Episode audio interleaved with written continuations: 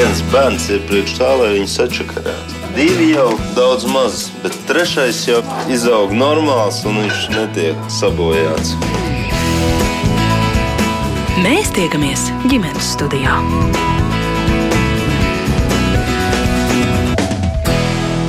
Labdien, klausītāji!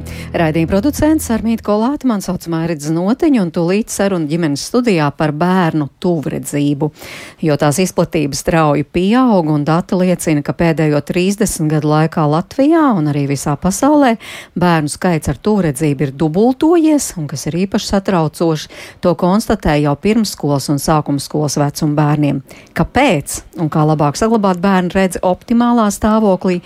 Par to tūlīt sarunā ar mūsu studijas viesiem - Rīgas Stradiņa universitātes profesori, arī Paula Stradiņa Kliniskās universitātes slimnīcas oftalmoloģijas klīnikas vadītāju Gunu Laganovsku.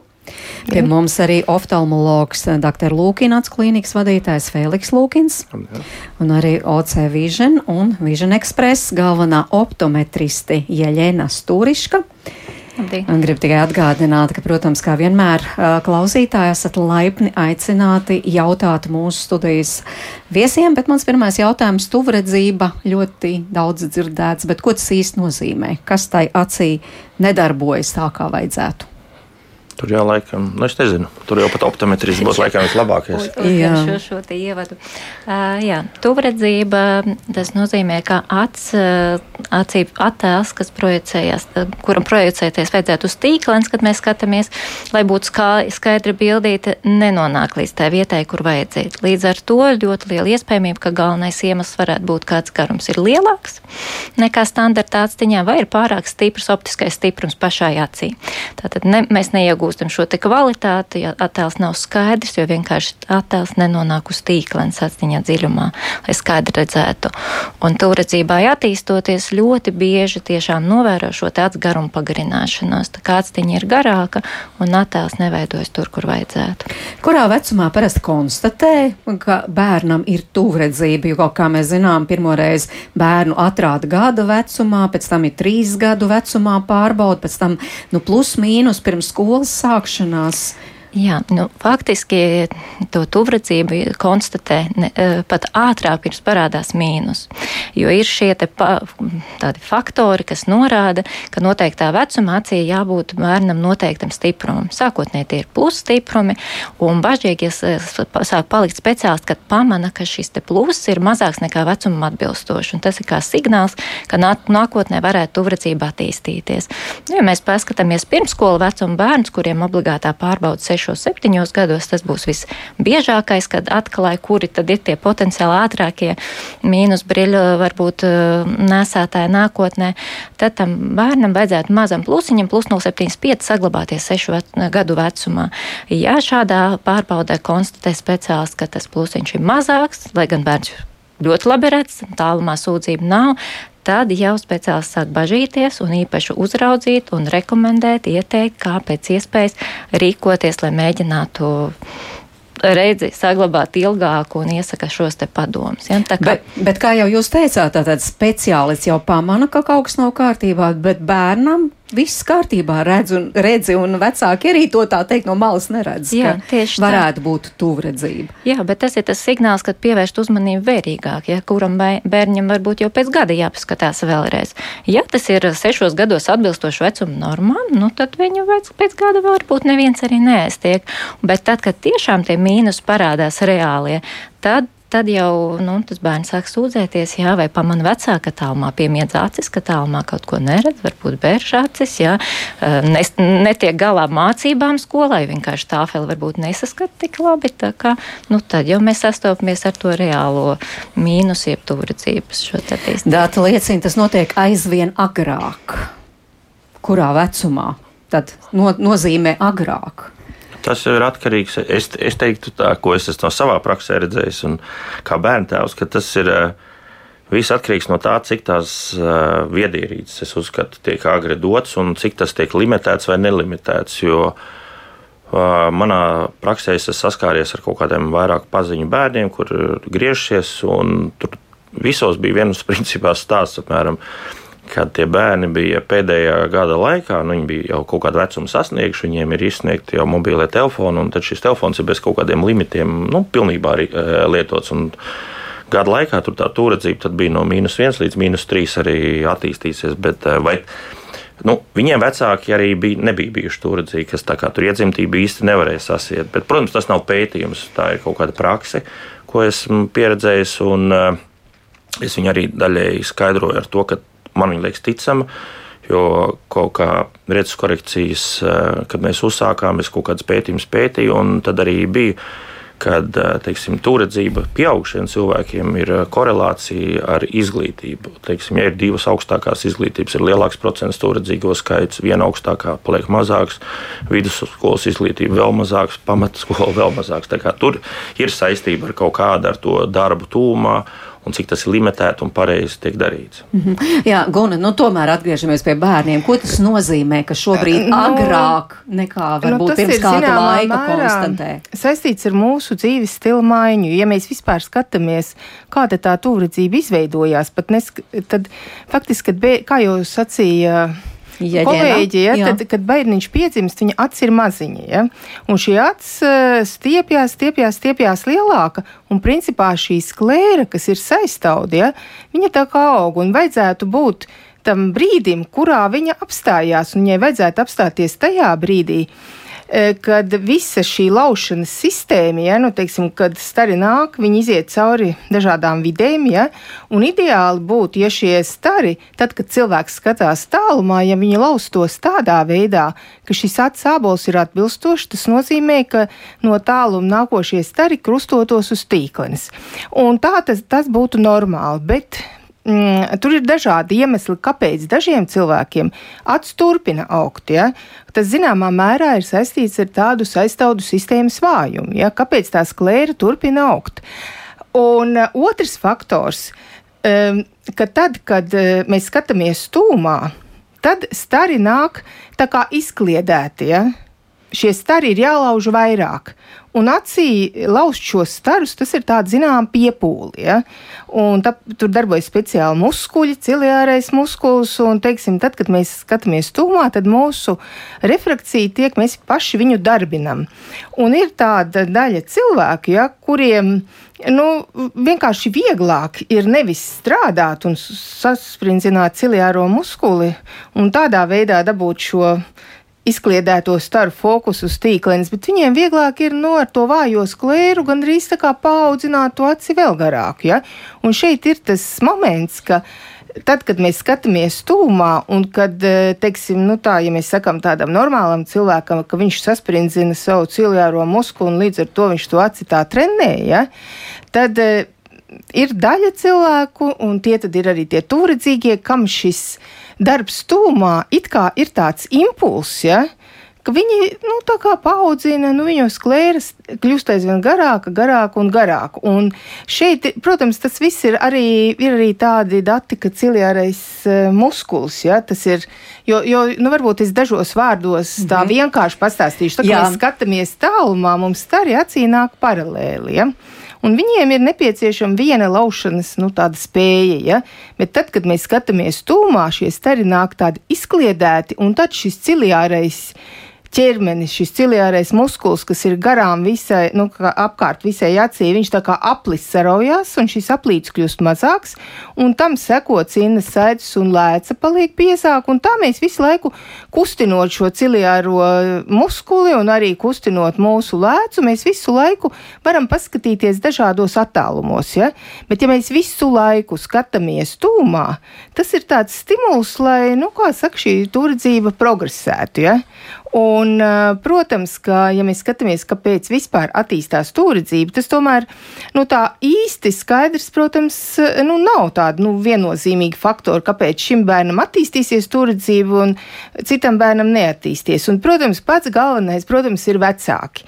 Ja jūsu abi vecāki ir turadzīgi, tad jūsu varbūtība, ka jūs, jūsu bērns būs turadzīgs, ir nu, cik reizes lielāka. Tur bija pat rakstīts 5 līdz 6 reizes. Tad, tad būtiski lielāka varbūtība, ka jūsu bērns būs turadzīgs. Bet mēs jau redzam, ka ir daudzi bērni, kuriem vecāki nemaz nav turdzīgi, un vien, viņi vienalga kļūst turdzīgi. Ja? Un, protams, ka pateikt, vai kāpēc tieši viņiem attīstās šī turdzība, un kāpēc nē, tur, protams, ir kaut kāds sestaudzes sistēmas vājums, kaut kāda imunitātes, varbūt trūkums, bērni nesteigā pietiekoši pa svaigu gaisu, līdz ar to viņi, teiksim, sevi nenostiprina. Bet, eh, protams, ka ļoti svarīgi, un tas, ko mēs varam izdarīt, mēs tomēr varam mēģināt viņus no šī tuvuma darba nu, kā saka, kaut kādā veidā novērst un mēģināt viņus, teiksim, drusku iztriekt laukā, elpot svaigo gaisu. Jā, nu kā mēs te dzirdējām, kā teica dr. Lukins, arī mūsdienu dzīvesveids, protams, spēlē lielu lomu, bet es atgriežos pie šī jautājuma un tomēr agrāk konstatē, un uh, speciālisti par to ir bažīgi. Nu, Kāpēc? Nu, redziet, nu, tagad jau faktiski ir jāsaka, nu, es pat nezinu, nu, man liekas, ka astoņu mēnešu zīdainis jau skatās telefonā, ja? Un uh, es Reizēm domāju, ka mēs jau ļoti bieži, uh, nu, kā saka, ja bērns kaut kādā veidā nu, nedaudz traucēja, tad, protams, labākais veids ir viņam iedot telefonu. Ja? Un, uh, un tāpat tās pat daži bērni arī tādi ir gadījumi, ka mēs viņus tā kā nu, aicinām iziet ārā, jo, ja mēs atceramies senākos laikos, parasti vecāki sauc iekšā bērnus, ja, un viņi nenāca, bet tagad bērni negrib iet ārā, ja, un vēl daži pamanās arī iziet ārā un tajā pašā smilšu kastē sēdēt ar to telefonu rokā, ja. Tā kā nu, ir tas, ka mūsu dzīves stils ir mainījies un, teiksim, Um, ja pirms kaut kādiem simts gadiem lielākā daļa nu, cilvēku, varbūt arī tā paša gada vai divu gadu vecumā, staigāja pa pļauju, vēroja, kas tur tālumā notiek, tad tagad eh, nu, bērnu atraut no skatīšanās telefonā ir diezgan grūti. Ja? Jā, bet nu, es lasīju arī, jo agrīnāk veidojas tuvredzība, jo lielāks ir tas straujāks, nu, tas progresijas risks. Jā, tā tas arī ir. Ja? Tā tas arī ir. Un, protams, ka arī šī tuvredzība var um, attīstīties daudz uh, nu, lielāka, tāds var izaugt daudz, daudz garāka. Ja? Un līdz ar to, protams, nu, par to es saprotu, mēs vēl drusku vēlāk parunāsim, bet faktiski pati par sevi, jo tā turadzība nekas traks nebūtu. Ja, nu, teiksim, ja turadzība ir līdz trīs dioptrijām, nu, es pat neuzskatu, ka tas ir kaut kāds briesmīgs, nu, tāpat nav nekāda īpaša slimība. Ja, tā varbūt ir sagatavošanās vecumam, kad jau 50, 60 gadu vecumā nevajadzēs vēl kādu brilles un varēs saskatīt ēdienu karti arī tad, kad tie, kuri nebūs turdzīgi, nu, kā saka, meklēs brilles. Ja? Un bez brillēm viņi neko nevarēs tur saskatīt. Bet nu, tas ir cits jautājums. Ja? Bet, um, bet, protams, ir gadījumi, kad ja ļoti agri acis sāk augt garāka, ja, ka viņa var izaugt ļoti liela. Ja, un var būt gadījumi, kad ir mīnus 10 un mīnus 15 un, nu, teiksim, virs 6 dioptrijām, jo mēs tomēr uzlūkojam nu, aci jau par tādu stipri izmainīt, jo tajā gadījumā vienkārši tāds aug tik liela, ka tā tīklene, ja, jo, jo acis sastāv no trīs tādiem apvalkiem. Ja, ārējā ir tā sklēra, ko mēs redzam to balto. Ja, Tad iekšpusē ir tāds asinsvadu tīkliņš, un pašā iekšpusē ir smadzeņu izvirzījums tīklene. Ja? Un faktiski tīklene ir tā, kas uztver gaismas starus, un tīklene ir tā, kas nodrošina, ka mēs vispār redzam. Un, ja tā sklēra aug tik liela, tas ārējais apvalks, ja, tad tas iekšējais apvalks, tas nervu tīkliņš nespēja viņai līdzstiepties. Ja, tur rodas dažādi plīsumi, tur rodas dažādi tādi, nu, varētu teikt, distrofiski perēkļi. Tas nozīmē, ka tur pigments sasēžās ne tur, kur vajag, un, teiksim, ja turadzīgais ir. Turadzīgais pacients ir virs sešām dioptrijām, nu lielākajai daļai no viņiem jau ir arī kaut kādas tādas nu, izmaiņas tīklnē, kas jau var ne tikai likt valkāt brilles, bet uh, kas jau rada situāciju, kad brilles vairs nepalīdz, ka nevar redzēt ne bez brillēm, ne ar brillēm.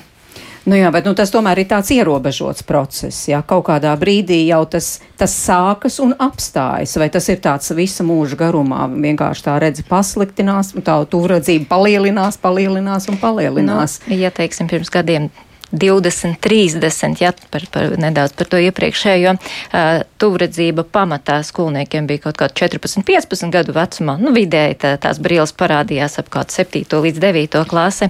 Tad šobrīd uh, 10 gadu vecums ir tad, kad lielākai daļā jau parādās. Un tas sakrīt ar šo te strauju auguma, uh, organisma augšanu, jā, un līdz ar to tas, tā tuvredzība, nu, tā skaitās arī, kamēr organisms aug, arī lielāka iespēja ar atstiņā izstiepties. Un, ja slodze tūmā ir liela ar visām šīm mūsdienu paradumiem. Jā. Līdz ar to arī tas posms, kad tas stiprums palielinās, jo agrākā bērnībā viņš parādās, jo straujāk iet uz priekšu. Arī pētījumi rāda, ka, ja septiņgadīgam bērnam parādās šis mīnus jau ir, tad viņš gada laikā var mainīties, ka, teiksim, par to vienu dioptriju. Savukārt, ja tas parādās 14 gados, varbūt viņš gadā progresē tikai par kaut kādu trešdaļu dioptrijas. Ja? Un tā apstāšanās, nu, mēs visi kādreiz cerējām, ka līdz 18 gadiem un viss, un tad vairs nekā. Bet, diemžēl, laikam ar to augstākās izglītības iegūšanu un visu noslogošanu arī pieaugušajiem ir tā, ka tad stiepās tas vecums no 20, no 18, nu varbūt līdz 21 un tad apstājas. Bet, diemžēl, ir arī mēs nevaram prognozēt, kuram, kurā brīdī apstāsies, jo arī kādam 25 gados vēl joprojām parādās kaut kāda šī parādība, ka mīnus palielinās. Ja? Bet nu, tas straujākais posms saistās tieši ar bērnu augšanas straujo posmu. Tad visvairāk mainās. Ja to laicīgi konstatē, to var arī apstādināt. Nu, iepriekš eh, jau pieminētie tīši netieši šie momenti noteikti tā ir mūsu vide. Mums ir jāievēro redzes higiēna, jā, jāsaprot, kādā attālumā ir jāskatās. Jo profesors minētā šī slodze, ko acis izdara 20 centimetros, tā būs pārmērīga slodze. Un ja ilgstoši tie 20 centimetros kā telefonu tieksme daudziem īpaši bērniem paņem, tad tas var provocēt vairāk, jo vienkārši vairāk acī jāstrādā un jācīnās ar to. Bet tāds fokusēšanas spēja akomodācija viņi nespēja tik ilgstoši un ilgi noturēt šo te, un rezultātā var veidoties šīs procesa, kāds garums pagarinās. Uh, savukārt, ja mēs ietu ārā, ja, un mums būtu dienas gaisma, nevis mākslīgais apgaismojums, jo acī vajadzīgs pilnē šis gaismas spektrs, tas atkal varētu palīdzēt tāds nepareizāk attīstīties, ja, un arī skatīšanās tālumā, ja nav nosacījums, kas milš, kas te ar telefonu, ja, tad tā skatīšanās tālumā arī veicina šo te arī smadzenēm dot signālu, ka ir jāskatās te tālumā. Bet, ja mēs skatāmies tikai tuvumā, nu nav nemaz vajadzības faktiski. Jā, mūsu uh, organisms pielāgojas šai situācijai. Tāpēc es noteikti ieteiktu pareizo darba attālumu, šie 30 līdz 40 centimetri skatīties.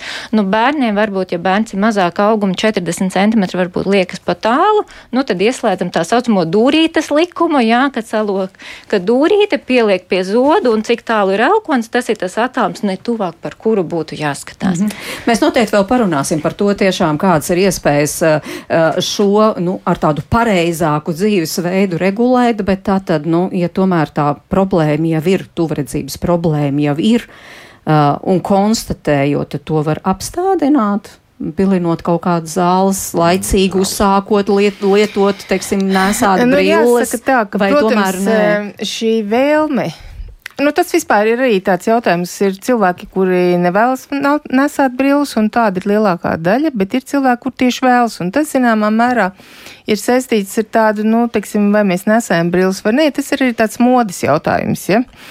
Uh, jo man ir bijuši arī tādi pacienti, gan pieauguši, ja, kuri ir nesējuši brilles arī tad, kad viņiem nevajag. Ja? Un viņi to ir darījuši tāpēc, ka tad viņi izstāsta tādi cienījamāki, gudrāki. Un es pat vienreiz saņēmu tādu ieteikumu. Es, es satiku vienu no saviem kolēģiem, eh, un es jautāju, kāpēc tev ir brilles? Tas taču nebija visu laiku brilles. Viņš saka, tu zini, es tev iesaku ļoti labu e, padomu, uzliec arī brilles, tad e, tu izskatīsies daudz gudrāk. Ja? Bet, protams, ka normāli lielākā daļa mūsu pacienti vēlas staigāt bez brillēm. Un um, mm, patreizajā brīdī.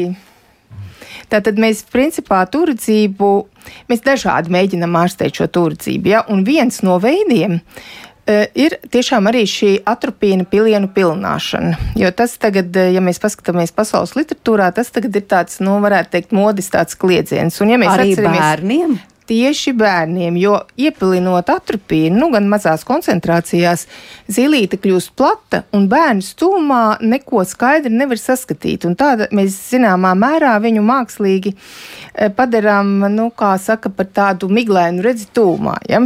Un e, patreizajā brīdī tas ir tāds, nu, tiešām varētu teikt, ja mēs paskatāmies, kāda ir miopijas ārstēšanas veidi, tas ir viens no tādiem pirmajiem veidiem. Un, ja es atceros, jūs jau strādājat diezgan pasen, tad padomju laikos arī visiem bērniem pilnēja šo atropīnu, bet tad, kad mēs um, sākām kontaktēt ar rietumu pasauli, tajā brīdī Nu, tika bija tāds uzskats, ka, var sakot, brīlis jau tāpat būs jāizraksta, nav vērts mocīt to bērnu, nu, ka viņš skolā neko neiemācīsies, visu laiku steigādams ar miglēnu redzi.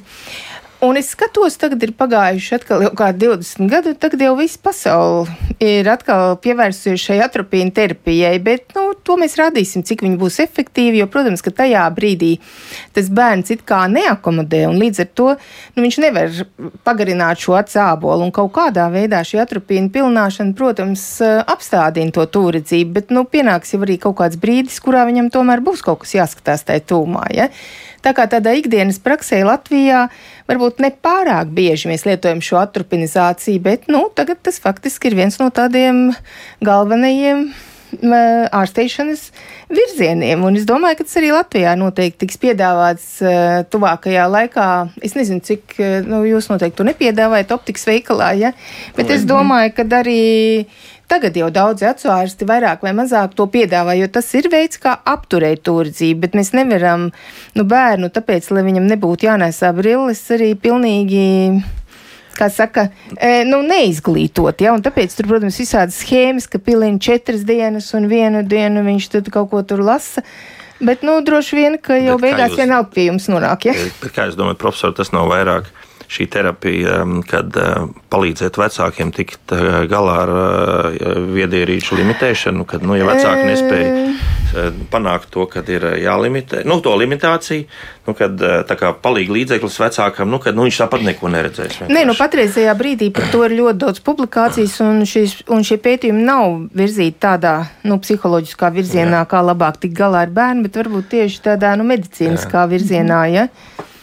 Jā, nu, mums. Uh, Arvis raksta, nesaka, ka esmu kaut kāds supercilvēks, bet esmu pie datora dienu dienā jau kopš 12 gadu vecuma. Tagad man 32 redzes pasliktināšanos neesmu manījis vispār. Vai man gaidām strauja redzes pasliktināšanās? Nē, e, mēs varam apsveikt e, mūsu klausītāju, ka viņš ir iekļāvies e, nu, tā saucamajā, jo, ja mēs, nu, es negribētu teikt normālu normālas refrakcijas grupā, bet nu, emetropijas grupā. Tad, tad tas nozīmē, ka viņam ir labi attīstīts ciliārais muskulis un uh, droši vien, ka. Nu, ir labi gēni. Jā, nu, nu. Es arī piebilstu, ka drusku man liekas, te jādiferencē darbs pie datora, jo tas ir nedaudz savādāk. Bērniem ir runa par telefoniem, un tas ir mazierīts un daudz tuvāk. Viņš nekad pie, telefo, pie datora nesēdēs mm -hmm. 10-15 cm attālumā. Tur dators diez vai būs tik eh, kritisks, lai to redzu tā sabojātu. Tur no. nu, ir drusku atšķirīgs tie. Eh, nu, ja var teikt, bojāšanas veidi un līdzekļi. Jā, tā kā jo lielāks ekrāns, nu, jo jā, tas vismaz labāk. Dabiskāk, jā, jā. Uh, ģimenes studija arī pirms raidījuma sazinājās ar trīs bērnu tēti Ilmāru, un viņa meitai tūredzību konstatēja, kad viņa mācījās sākuma skolā, un lūk, Ilmāra pieredzes stāsts. Klausāmies!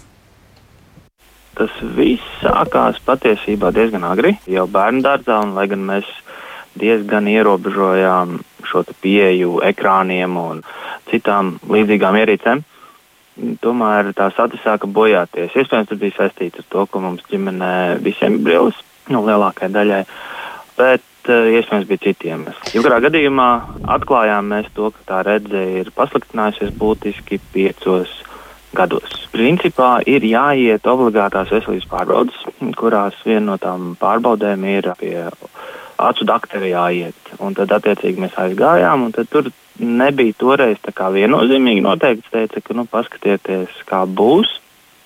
Bet tad mēs sākām ievērot, ka, eh, tad, kad aizgāju uz skolu, tad uh, bērnam sāka pasliktināties uh, mācību rezultāti. Lai gan viņa ir ļoti gudra un, un, un spējīga, piemēram, tādas lietas, kas bija uzrakstītas uz tāfeli, vai bija jāatbild uz kaut kādiem jautājumiem, nevarēja atbildēt, jo neredzēja. Bet, kas ir interesanti, viņa neatzinās, ka viņa neredz.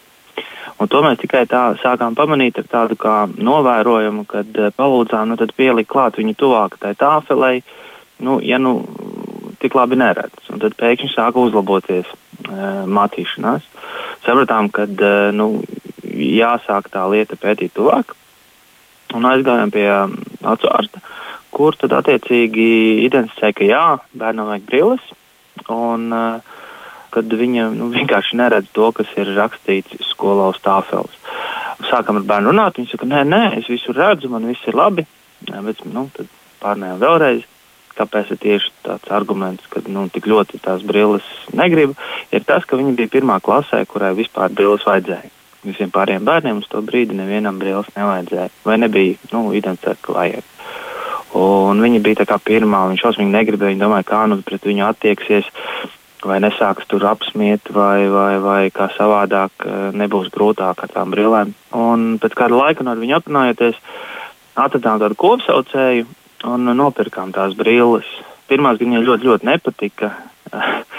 Parastas kantainas brillītes ļoti nelabprāt vilka, un bieži mēs pamanījām, ka viņi arī skolā viņas nemaz neuzvelk neparādot pārējiem, ka viņai tās brilles vajag visu laiku.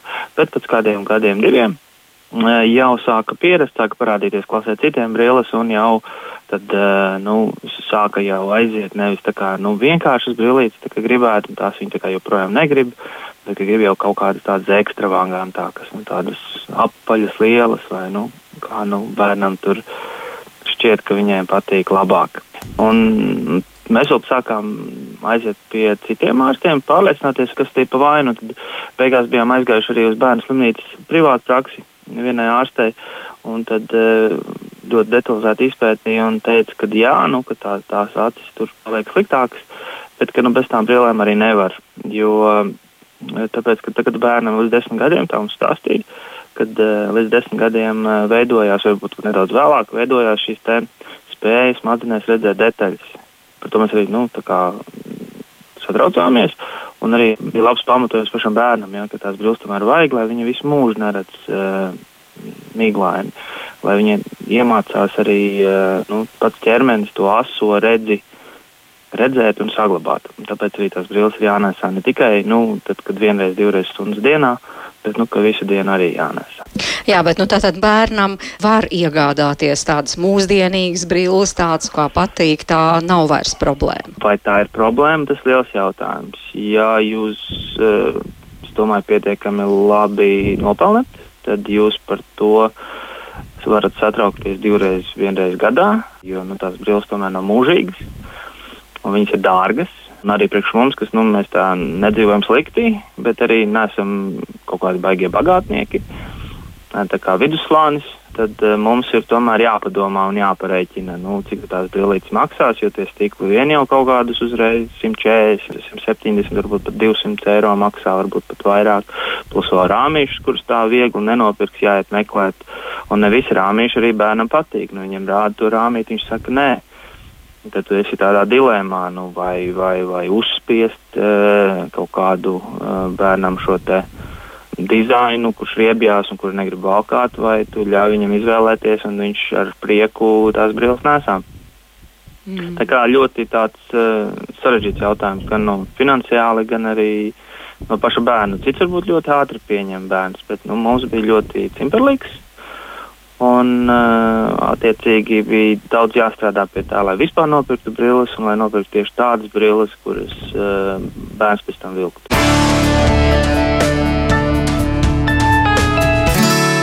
Paldies Ilmāram par šo stāstu. Tā, tā, tas, tas bija viņa pieredzes stāsts vai viņa ģimenes pieredzes stāsts, un to ģimenes studijā klausījās eh, Rīgas Stradiņa universitātes profesora, arī Paula Stradiņa, Kliniskās universitātes slimnīcas oftalmoloģijas klīnikas vadītāja Guna Lagonovska, arī oftalmologs dr. Lūkina acu klīnikas vadītājs Feliks Lūkins un OC Vision un Vision Express galvenā optometriste Jeļena Stūriška, un es uh, lūgtu jūs pakomentēt šo, tā tad, nu, jā, tā ir ar tiem bērniem, ne visi uzreiz pieņem šo faktu, ka jānēsā brilles un grib valkāt, un tad varbūt vecākiem izdodas tur uh, uz stundu, divām stundām pierunāt, nu, lai uzvelk, vai tas kaut kā ietekmē, kā mēs šeit dzirdējām, tā kā līdz desmit gadu vecumam, ja iemācās to pasauli redzēt miglaini, nu, tad tur īsti pēc tam tālāk neko vairs nevar darīt, neko vairs nevar labot. Vai jūs tam piekrītat? Nu, jā, jo te viņš runāja par tādu lietu. Nu, tur īstenībā es pat varbūt atļautos drusku panalizēt tās visu to tēvu stāstu, jo pirmkārt šeit bija arī laikam tas gadījums, kad ģimenē ir vecāki abi, un tā, tā, tas ir skaistīts ar iedzimtību, tur, tur daudz lielāka iespēja tikt pie tām brillēm, ir, tas ir pirmkārt. Otrkārt, jā, tā ir būtiska lieta, ka tomēr ir šī acis mums jau var teikt jādarbina. Ja mēs viņu nelietojam, mēs varam nonākt pie tā, ka attīstās kaut kādas pakāpes, jau var teikt, vājredzība. Un tāds, nu, pēc tam, ja viņš sāks, eh, nezinu, pēc 20 gadu vecuma pēkšņi attapsies un mēģinās, varbūt, ka viņš nekad vairs ar to acis 100% nevarēs redzēt. Tādi gadījumi ir arī redzēti praksē. Cilvēks negrib valkāt brilles, un viņš pierod, ka nu, viņš redz to visu. Un vienkārši tāds, ja var teikt, ja cilvēks visu mūžu neskrien, vienkārši piemērs. Viņam ir pēkšņi 30 gados sāk ļoti grūti skriet, jo tie muskuļi ir atrofējušies. Un te ir kaut kas līdzīgs, tas vairāk ir par tām nervu šķiedrām un šūnām. Viņas arī īpaši uzaudzēt pēc tam vairs nevar. Tāpēc ir svarīgi, jā, tomēr, lai to pilnu acu. Uh, Pilnā apjomā viņi strādātu un redzētu, un, un, un, un tāpēc šīs brilles ir jācenšas valkāt. Bet nu, ir arī kaut kādi risinājumi mūsdienās, ko, piemēram, mēs arī klīnikā esam kādus gadus lietojam, ir tā saucamās naktas lētas bērniem, kad, nu, kas visvairāk bērniem tieši, kad ar vecāki, nu, kur nevēlas nesāt. Un tad šī opcija ir, kad uh, uz nakti tiek ielikt lēca. Viņa naktas laikā atrodas acī, un viņa izmaina redzes izliekumu, un no rīta viņš izņem. Tad visu nākošo dienu viņam ir diezgan, nu, principā kvalitatīva redzes, ko mēs redzam arī, un ko mēs esam praksē novērojuši. Mēs neesam nekādus pētījumus taisījuši, ka savā, kad mē, mēs redzam, arī šī redzē neprogresē vairāk. Tur tie tūredzība neiet uz augšu, tomēr būtiski. Tas ir arī kaut kāds risinājums. Nu, bet kā bērni un lēcas, tas tomēr ir diezgan sarežģīts uh, nu, process. Protams, ne, tur ir jāizvērtē katra spēja sadarboties. Tāpēc tas ir diezgan sarežģīts, piņķerīgs process. Skatās, cik viņš ir gatavs sadarboties, cik viņš ir gatavs ievērot higiēnu. Visu. Nu, tas nav vienkārši. Un visi bērni droši vien to nevar. Tas arī ir diezgan kaut kāds finansiāls pasākums. -hmm. Jā, ja, ja. Noteikti būtu mērķis tiešām radīt šo skaidro bildi. Un tie ceļi ir vairāki. Ja? Viens no veidiem ir naktslēcas, ja? jo mērķis ir sasniegts no rīta bērnam. Tā redz ir laba un noturās dienas laikā. Variants ir arī mīkstās kontaktlētas, teiksim, ja, ka ieliek kontaktlētas, tad nav brīles, vizuāli, teiksim, no malas neviens neredz, bet tiek nodrošināta laba redzes kvalitāte, bet tiem, kam nav iebildumu vai vienojas ar to bērnu, ir iespēja, tad attiecīgi arī brīles, ja, un savukārt arī brīles var būt dažādi. Vai nu vienkārši šī mīnusu koriģēšanai, lai skaidri ieraug, lai gan tagad tehnoloģijas iet uz priekšu un, un brīļu lēcu ražotāji un kontaktlēcu ražotāji arī iedziļinās šajā jautājumā vairāk un veido speciālu tehnoloģiju šos lēcu dizainus, kas arī mēģina ietekmēt šo aciņu, lai viņi nestiepjas garumā, mēģinot radīt šo skaidro bildi un mazāku stimulu uz atstiepšanos. Bet nu, noteikti viennozīmīgi ir jābūt kvalitīvai redzēji. Un šeit nu uzreiz arī nebija gan te minēts šeit intervijā, bet teikšu, gribu atspēkot, jo kādam var rasties jautājums par to, ka nevajag pilno stiprumu rakstīt, lai acs pati strādā. Ja? Agrāk šāds uzskats bija un apzināti lika mazāk šo brillīti nekā vajag, bet ar to atkal netika panākt šī skaidrā bilde. Un nu, šobrīd jau pasaulē pētījumi rāda, ka tas tādā veidā var izdarīt ļaunu, jo tad, kad acis neredz, viņa tiecās mēģina dabūt, un tā pārpūle acī veidojas, un tas mīnus tikai iet uz priekšu. Tā kā galvenais priekšnosacījums, lai kuru korekcijas veidu izvēlās bērns un vecāki, lai dabūtu skaidru šo tā tēlu, un jāsako līdzi ik pa pusgadam noteikti šiem bērniem, kuriem ir korekcija, vai viņš joprojām ar to savu korekciju labi redz, vai nav jāmaina šis te stiprums. Jo te šobrīd šobrīd par to pasauli visvairāk runā un uzskata, ka jādabū tā skaidrā bilde. Un citreiz palīgā taisa šo te kombinēto mm, ārstēšanu, ja, kā profesori minēja, uzliek korekciju brīles un pieliek šo te zemo devu atropīnu, kas palīdz vēl atkal tā, tā akomodācijas nepārpūlēšanai. Tā kā kopumā tās, tās metodas pasauli par to ļoti, ļoti rūpējās. Vismaz optometrists saimē nenotiek neviens pasākums bez šīs tēmas, lai mēģinātu kaut kā palīdzēt bērniem bērniem un vecākiem. Guna, jums te kas piebilstams vēl? Nu, es varbūt gribētu piebilst, ka ir atsevišķi gadījumi, ka tomēr tiek pielietotas arī jau tādas, nu, kā saka, bifokālas brilles, ja? Tieši, jo faktiski, ja tā ir teorētiski, mēs nokuriģējam pilnu korekciju, tad, tad kad mēs skatāmies stūmā, mēs atkal akomodējam, ja? Un, no vien, un tāpēc varbūt tas bija viens no iemesliem, kāpēc agrāk, teiksim, tika izrakstīta nepilna korekcija, lai it kā tāds, nu, netiktu papildus atkal pār pār uh, stimulēta. stimulēta jā. Jā. Mhm. Bet tagad ir tādas, nu, kā saka, cik es tā saprotu, nezinu, cik jūs reāli brīļu veikalā izrakstiet. Eh, Vienos. Bet, nu, principā, tie ir tādos pētījumos eh, diezgan daudz tiek pieminēts šīs nu, teiksim, tā saucamā binokulārā korekcija tieši miopijas gadījumā. Un, protams, Ko tas nozīmē, lūdzu? Tas nozīmē, ka tālu man būs vienas brilles, tuvu man būs otrs, un lai nebūtu nepārtraukti jāmaina brilles, tad nu, faktiski šie stikliņi tiks ielikti vienā vienās brillēs. Ja? Jā, jo faktiski tiešām tagad tās tehnoloģijas ir attīstījušas tik tālu, ka uh, ir gan šīs bifokālo variantu variants, kā profesori minēja, ir arī citas jauna, jaunas tehnoloģijas, kas līdzīgi strādā, kas balsta šo akomodācijas darbību, palīdz acņiem nepārpūlēties. Te, protams, vienmēr skatās katru bērnu individuāli, kā ir šīs redzes spējas, ja? jo bez skaidras redzēšanas bērnam vēl jās, viņam ir divas acis, tā bilde jāsadabo divām acīm kopā, un tad vēl tas fokus jādabū gan tālumā, gan tuvumā. Un ir arī šie risinājumi, kad brīļu lēcā, nu, bifokālā brīle, tas nozīmē, ka ir lodziņš uz, uz, uz tās brīlītes, un vizuāli atkal bērns vispār negrib brīles, kur nu vēl tā ir lodziņa. Ja? Nu, tur atkal tie psiholoģiskie momenti varbūt kādreiz traucējoši. Tāpēc ir arī varianti, kad ir tāds, ka ir brīlēm centra redzi ir uz tālumu, un tad nemanāmi nu, vizuāli no malas tik ļoti neuzkrītoši ir šī pārēja, kur, kur atvieglo bērnam šo tūma darbu. Ja, jeb, atvieglojums tuvumā, bet nu, tehnoloģijas ir gājušas vēl uz priekšu un, un, un radījuši šo metodi, kā ir iespējams arī nodrošināt tālumā skaidru redzi un nodrošināt gana labu šo te arī bildu un stimulāciju tīklens perifērijām. Ja? Jo mums atstiņa ir apaļa un tas viens punkts, kurā mēs uzliekam fokusu no brillēm, viņš strādā, bet brīļu lēca nenofokus, nedabū fokusu perifērijā. Un ko tik tagad neizdomā, bet ir, ir iespēja un pētījumi. Un līdzīgi jau strādā arī naktslēdz, par ko Kinkungs minēja, ja, lai Jā. dabūtu šo te acī atbilstošo stiprumu, lai tāds tiņ pēc iespējas iegūtu skaidru. Bet tomēr diezgan precīzi tad ir jākonstatē, cik īsti, nu kāda ir tā tuvredzība, kā ir strādāt ar bērniem, kādas ir jūsu metodas, kā, kā jūs to, to varat izdarīt, jo tas nu, tomēr nav tik vienkārši kā ar pieaugušajiem. Nu, arī pieaugušie ir ļoti dažādi, līdz ar to arī bērni, ja. Protams, bērniem strādājot pirmkārt ir jādabū viņa uzticība, ja, un, un, un ar viņu, lai, viņ, lai viņš ņem pretī to, ko mēs dodam, lai mēs saņemam, jo uh, nepietiks mums ar šo mīnus. Mēs tik tiešām izvērtējam visu uh, acu šo darbību, visu kompleksu. Uh, ja nepieciešams, protams, paralēli tiek iedot kādu vingrinājumu, ieteikt kādu padome. Jā.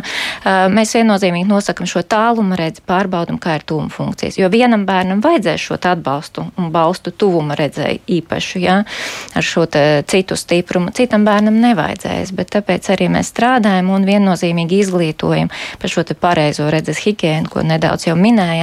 Bet te ir ļoti svarīgi, ka tuvuma slodze nu, nedrīkstētu būt ilgāk par 20 minūtēm, ja mēs kaut ko, nezinu, te telefonā spēlējam. Jā.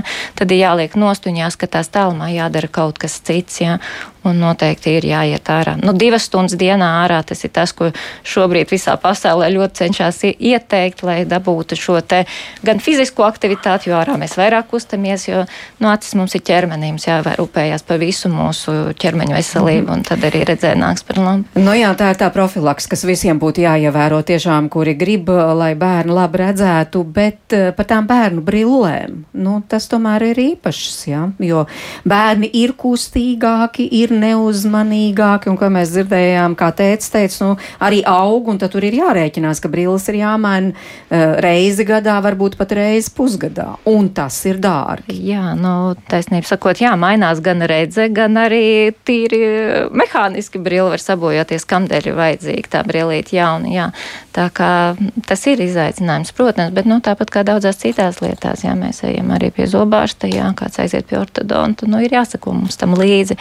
Ne, diemžēl. Kā, bet nu, tas mērķis jau visā ir, lai tad, kad bērns izaugs, ja, kā jau tika šodien minēts, lai tas stiprums mums nepārsniedz to mīnus 5, mīnus 6, jo tas mīnus 6 viņam arī vecumā pēc tam vairāk palielina risku visām šīm saslimšanām, ja, tīklenei. Un tas ir tas galvenais iemesls, kāpēc visi ļoti satraucās, kāpēc tam, tam bērnam vajadzētu brīlis uzreiz, lai mēģinātu apturēt šo stiprumu, jo ir šie te pamatojums ir ās, ka ļoti iespējams, ka iegūstot skaidru attēlu, atstiņa mazāk augs uz priekšu, mums lielāka iespējamība nenonākt līdz tam mīnus 5, bet palikt varbūt pie mīnus 3. Bet neviens nevar dot garantiju, protams, kurā mirklī viņš apstāsies vai neapstāsies. Bet valsts kaut kā līdzfinansē, nu, piemēram, brīļu iegādi, kas ir dārgas, vai te runāja par nakts lēcām, kas noteikti arī nav lēts prieks? Ir īpašas grupas bērniņiem, jā, bet nebūs noteikti. Tu, par, parastā tā te klasiskā tuvredzība nebūs šeit kompensējuma. Jā. Jā, mm -hmm. Tas valsts nav valsts nekādas programmas tur, diemžēl. Vajadzētu.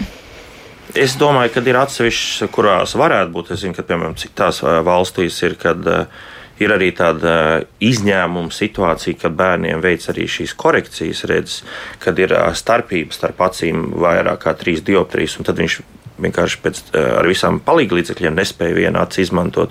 Un tad ir jā, kad ir valsts finansētas citās valstīs programmas, lai viņam veiktu kaut kādas operācijas, lai viņš varētu to vienu aci darbināt pilnā apjomā jau no bērnības, lai ne, neattīstītos vairedzība. Un tas ir tāds valstiski tālredzīgs gājiens, jo, lai neradītu redzes invalīdu, tad labāk investēt viņā saulēcīgi tajā bērnā, bet nu, mūsu valstī pagaidām tādas nekādas programmas nav. Nē, brīļu korekcija man šķiet eh, atsevišķām grupām tiek kompensēta. Nē, no ja? brīļu mm -hmm. varbūt jā.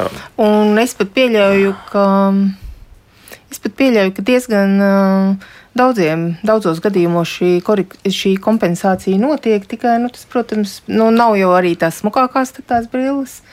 Un tur uh, ne, visādas tādas nu, nu, ir kaut kā vecākiem. Ne, tur ir noteikti stipruma, noteikta gradācija, ko pārzina bērnu oftalmologu bērnu slimnīcā, kas spēj izrakstīt šo kompensējumu recepti. Tur noteikti rādītāji, kāds bērna vecums, kāds ir tas ir plus, mīnus, astigmātisms, ir šīs pakāpes, ko dot. Un, protams, Bet, arī zinām uh, skaitu, ja, jo tā kā mēs zinām, ka bērniem brilles ir, nu, varbūt, teiksim, šī tēta gadījumā tā meitene bija vēl ļoti kārtīga. Ja, un, bet ir dzirdēti gadījumi, ka tās brilles tiek saplēstas tik pēc uh, divām, trīs dienām. Ja. Un līdz ar to, protams, tā ir zin, diezgan liela problēma. Ja, un, un kad šī valsts kompensācija nekompensē visas tās saplēstās brilles. Ja? Jā, bet nu, tāda, piemēram, ķirurģiska iejaukšanās, kas ir jau mūsdienu realitāte, bērnu vecumā, acīm redzot, to neizmanto. Nu, faktiski arī tur ir daudz pētījumu, bet, nu, jā, jau tā, bet Latvijā kaut Latvijā kā tas nav iesācies. Nav bijis, bet es zinu kolēģis, kas ar to nodarbojas, jā, ka viņiem ir tur kaut bērni virs kaut kāda 10, 12 gadu. Un tur arī ļoti svarīgs, lai to bērnu sadarbotu spēju. Nu, tur ir ļoti daudz faktoru. Kad, eh, kad to vispār var tehniski izdarīt, un, un, un, un, bet nu, ir situācijas, jā, kad, kā jau minēju, ja šī starpība starp acīm ir ļoti liela, tad tur, nu, tā ir gan īstenībā vienīgais tāds risinājums, kā kaut kādā veidā to vienu aci, kas ir eh, savādāk attīstīsies, vairedzīgi, kā viņu panākt, lai viņi var darboties pilnā apjomā. Jānis jautā, kas ir miopijas kontrolas lēcas? Jā, nu tās faktiski arī būs eh, mans jau pieminētās eh, īpašās tehnoloģijas, ka brīļu lēcā iestrādā tā, ka nodrošinātu šo skaidro bildi eh, tīklens centrālajā daļā, bet tāpat laikā arī ietekmēt šo perifēro daļu, mēģinot, lai šī tāctiņa ne, tik strauji neaug uz priekšu, jā, un līdz ar to mēģinot apturēt. Ja? Tas nekādā gadījumā neatgriezīs esošo mīnusu, ja? vai nebūs tā, ka uzliks šādas eh, speciālas miopijas kontrols brīles vai kontaklēts, ka tas stiprums līdz ar to arī apstāsies. Ja? Bet tas ir veids, kā mēģināt kaut nedaudz mazāku šo mīnusu, ka viņš iet lēnāk uz priekšu. Jā, mhm. tā kā speciāli. Bet gatavoties šai intervijai, es lasīju, ka ir arī tāda neīstā tuvredzība. Ko Jā. tas īsti nozīmē? Nu, runājot par neīsto tuvredzību, šeit mums ir tā lieta, kā jau mēs runājām par šo akomodāciju. Ja? Tātad par to, ka ciliārējs muskulis sarojās un ka viņš pastiprina šo refrakciju it kā ar domu, lai mēs varētu iegūt to skaidru attēlu, kas nāk no šiem izkliedētiem stariem no tūma. Bet ļoti ir gadījumi, kad patiesībā bērnam acis vēl ir maziņa. Jo, kā jau, es, kā jau mēs sākumā te runājām, ka no sākuma bērns piedzimst ar maziņām acīm. Ja? Mm. Un tad šī acis aug un aug līdz nu, viņai vajadzētu apstāties vienā brīdī. Bet vēl šī bet neīstā tuvredzība, tas ir tas brīdis, kad bērna acis vēl ir patiesībā pat īsāka nekā viņai ir jābūt, vai arī viņa ir normāla. Bet, ja bērns visu laiku skatās tūmā, tad visu laiku šis ciliārais muskulis ir sarāvies un viņš it kā ir ieklemmējies. Jo normāli būtu, ka mēs paskatāmies tālumā, kad mums ciliārais muskulis atslābst. Ja? Bet šie cilvēki, kur tā neīstās turīcības gadījumā, ir gadījums, kad ir šis tā kā ciliārā muskuļu spazms. Un cilvēks paskatās tālumā, un viņš jau viņu tagad mēs korģējam, tad mēs iegūstam tā kā mīnusu. Ja? Bet, ja mēs noņemam šo ciliārā muskuļu spazmu, mēs patiesībā varam ieraudzīt, ka viņš jau, ka viņš jau acis nemaz nav gara, ja? un ka šis cilvēks nemaz nav turecīgs, ka viņš patiesībā ir tālredzīgs. Ja? Un, uh, tas arī, tā arī ir viena no tādām lietām, kāpēc izmeklējot bērnus ir ļoti svarīgi plašināt šīs zīlītes un noņemt, nu tagad varbūt nu, neplašina gluži ar atropīnu, plašina ar tādiem izlaicīgākiem preparātiem, kas, bet tomēr, lai mēs izslēgtu šo akomodācijas spazmu, jo tas akomodācijas spazms, jeb šī ciliārā muskuļa saraušanās un ieklemēšanās un nespēja atslābt, mums dod tādu, nu, kā saka, gadījumu, kad um, bērns aiziet pie atsvārsta un mēs viņam it kā izrakstam mīnus brilles, kuras viņam patiesībā nav vajadzīgas, jo, ja mēs noņemtu šo spazmu, izrādītos, ka viņš nemaz nav turidzīgs, ka viņš patiesībā ir tālredzīgs. Jā, bet nu, tā tad zinošs profesionāls speciālists spēs atšķirt vienu no otra. Jā, tāpēc arī būtiski tiešām aizvest bērnu pie acu ārsta. Kāda māma mums raksta daudz, tagad izvāc televizors no mājām, lai tik bērni neskatās, bet viedierīces gan ir ok. Es mēģinu realizēt veco ceļu, ir televīzijā multens, un tad ir galvenais, un, un tad ir galvenais mēdījis, planšete un telefons izņēmuma situācijā, un, protams, multens televizorā ir labāk, ne tikai tāpēc, ka bērns nav ekrāna pavēlnieks, bet arī ekrāns ir būtiski tālāk. Un cīnāmies gan tagad ar mazāko par to, ka nevar iet stāvēt pie televizora. To viņa ik pa laikam uh, dara, pieiet pavisam tuvu klāt, un nevienmēr es gatavoju vakariņas to pamanu. Jā, mēs atgriežamies tātad raidījuma izskaņā vēlreiz. Te jau izskanēja vairāk reizes, bet par to profilaksi tiešām ko darīt, lai, lai uzturētu to labo redzi un nesabojātu. Nu, sabojātu tā, un protams, nekļūtu tūredzīgi. Protams, cīnīties ar pasaules attīstību ir diezgan sarežģīti. Un diez vai mēs varēsim noņemt šīs viedierīces, un, protams, ir jau visādi šie veidi, kā nu tur varētu. Bet nu, man kaut kā reāli šķiet, ka tomēr ir jāmēģina nodrošināt, lai tas bērns ietu ārā. Ir jāmēģina, lai viņš ārā tur spēlē kaut kādu bumbu, vai nu, varbūt arī pašiem vecākiem ir saka, jāmēģina atrauties no šīm ierīcēm un iziet kopā ar viņu, lai būtu pilnīgi droši, ka viņš, ka viņš nesēž ar uh, telefonu kādā stūrītī. Mm -hmm. Bet, nu, tad tomēr jūs jau teicāt, doktor Lūkin, ja tas televizors tomēr, uh, nu, jā, animācijas tur, tur filmu tele, televizorā nu, būs labāka nekā viedierīce. Jā, māte ļoti pareizi tur sadiferencēja tās lietas, kad uh, televizors, planšete un, ja var teikt, tās telefons, jo telefons ir vismazākais un to arī var vistuvāk, visbiežāk arī skatās. Tā kā, ja viņš, bet, nu, kas būtu interesanti, jā, varbūt tās arī no kolēģiem, kā kādas ir jūsu domas par to laiku? Jo, nu, teiksim, tas, ko mē, es mēģinu virzīt, ir nu, divreiz dienā pa 20 minūtēm. Teiksim, tas telefons līdz kaut kādam vecumam, desmit gadiem. Tur.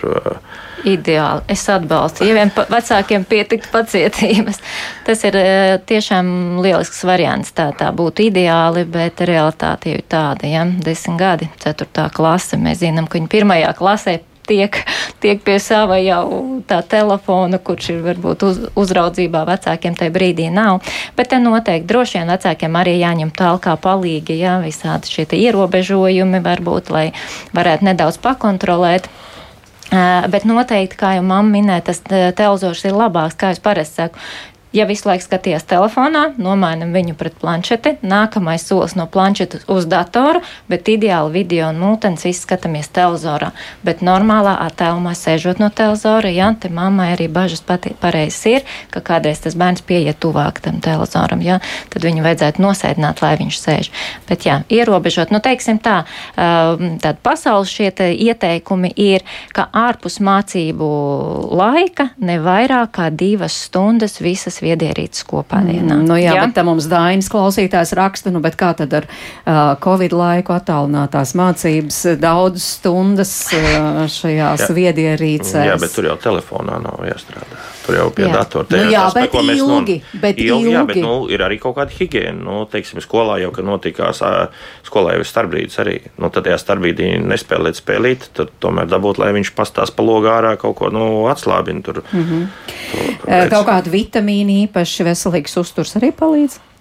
Veselīgs uzturs noteikti ir atslēga visam organismam, jā, arī redzētais skaitā, tad tiešām veselīgs sabalansēts uzturs ir tas svaigs gaiss, jā, jau pieminētais.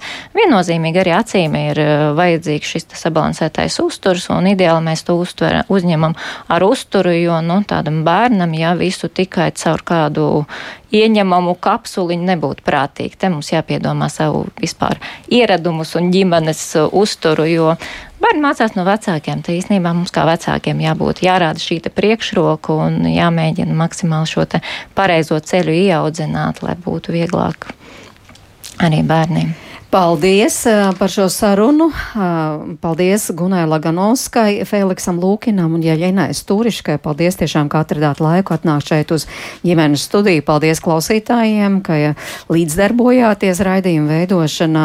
Raidījuma producents Armīta Kolāta, Katrīna Bramberga pie skaņu pults un es mērķis notiņu šeit pie mikrofona, lai jums laba diena un gal galā bērnu brīvlaiks skolēniem ir sācies, nu tad izmantojiet laiku un ejiet ārā un eh, tiešām dariet visu citu, lai bērni pēc iespējas mazāk sēdētu pie šiem viedierīcēm. Acīs noteikti acīm palīdzēs un, un, un, un noteikti tās priecāsies par šo.